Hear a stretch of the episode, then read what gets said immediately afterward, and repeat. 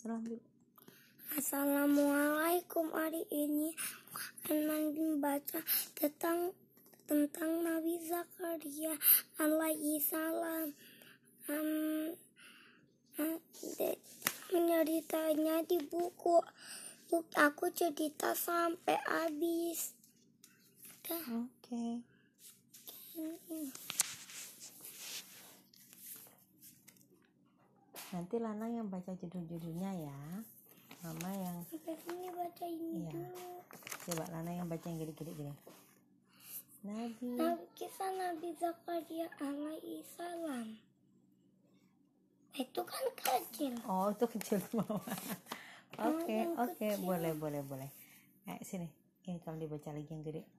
Tanya kalau kecil itu banyak. Iya, nggak apa-apa. Yuk sini, Lana yang gede rakyat putus putus asa. Putus asa itu apa sih? Apa? Putus asa tuh kayak nggak punya harapan. Aduh nggak bisa lagi nih aku nih. Itu namanya putus asa.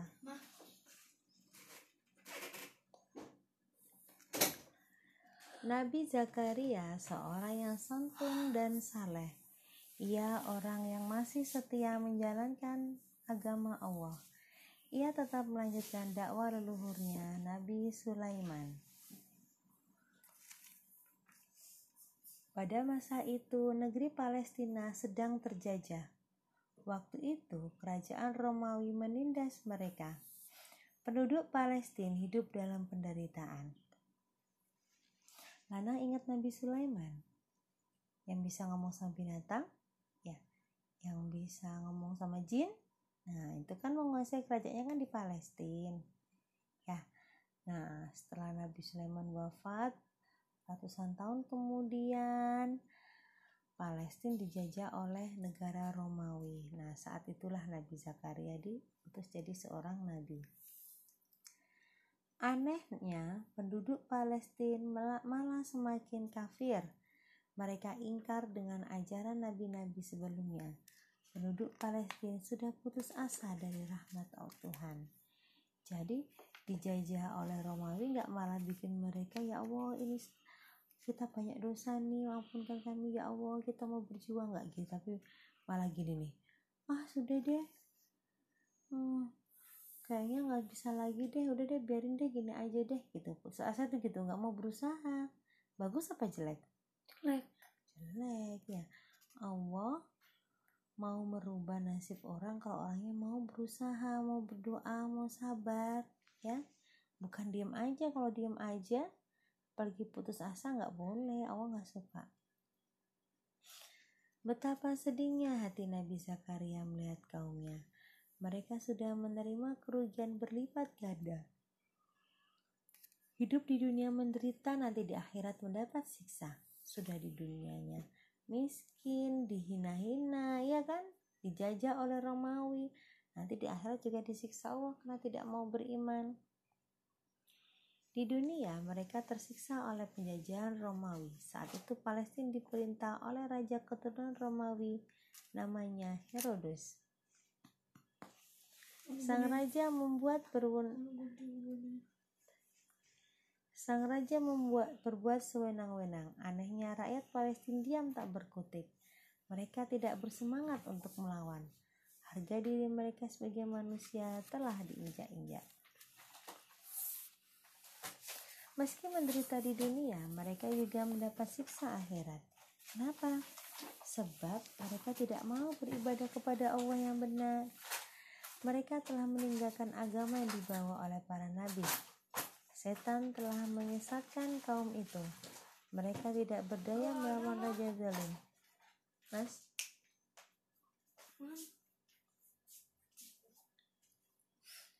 Sayangnya mereka juga tidak beribadah kepada Allah. Nabi Zakaria prihatin dengan kondisi itu. Nabi Zakaria berdoa, Ya Allah, berilah aku petunjuk dalam berdakwah. Kembalikan kaumku ke jalan yang benar. Sejak itu Nabi Zakaria berdakwah dari rumah ke rumah.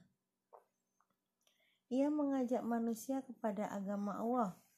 Keimanan yang sangat dibutuhkan agar hidup bahagia. Di suatu tempat Nabi Zakaria berseru, Wahai kaumku, berimanlah kepada Allah, dirikanlah sholat, dan jauhkan diri dari perbuatan tercela. Mintalah pertolongan kepada Allah, jangan pernah putus asa. Bila kita minta dan berusaha, Allah akan membantu. Ibu Nabi Zakaria.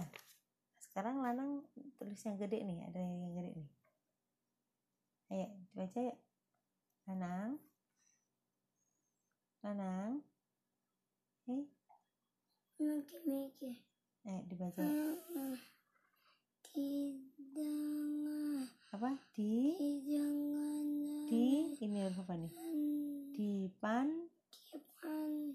dang Dan. Aneka. aneh. Aneh. Dipandang aneh. Siapa yang dipandang aneh? Nabi Zakaria dianggap aneh. Sejenak suasana menjadi hening. Tidak ada suara orang yang menanggapi. Orang-orang itu melihat kepada Nabi Zakaria, tapi tatapan mereka sangat aneh. Kemudian mereka saling memandang, seolah-olah baru mendengar sesuatu yang ganjil. Nabi Zakaria ikut jadi bingung, ada apa ya? Nabi Zakaria bertanya, Kenapa kalian memandangku aneh? Bukankah aku mengajuk pada kebenaran? Apakah kalian belum pernah mendengar sebelumnya? Kemudian seorang pria berjenggot putih menjawab, Wahai Zakaria, itu sudah ajaran yang lama, kenapa kamu menyampaikannya lagi? Agamamu itu sudah basi, katanya gitu. Jadi mereka menganggap penyembah Allah itu sudah basi kalau udah sampai ratusan tahun lalu, cak zaman nabi-nabi yang dulu, Nabi Sulaiman saja sudah nggak ada. Pikir mereka begitu. Iya, sudah sangat tua, usang. Ajaranmu itu. Tidak, agama Allah tidak akan pernah basi. Ajarannya sama dari Nabi Adam sampai akhir zaman nanti. Sampai kiamat nanti sama ajarannya Allah. ada penting nggak itu? Itu satu udah jadi tinggal satu lagi. Gunting. Di kamar Kak Alfira tadi di tempat situ di meja makan tuh situ. Ya udah cari. Kamu nggak tahu di mana.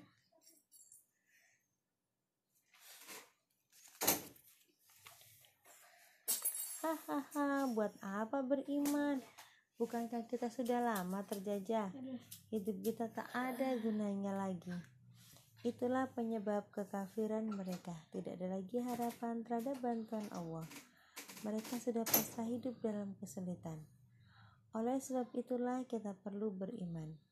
Kita bersama harus bers- bersatu dengan agama Allah hingga mudah mengusir penjajah, kata Zakaria memberi semangat.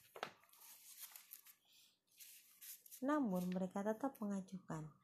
Kemudian mereka meninggalkan Nabi Zakaria begitu saja. Mereka tidak menganggap penting dakwah Nabi Zakaria.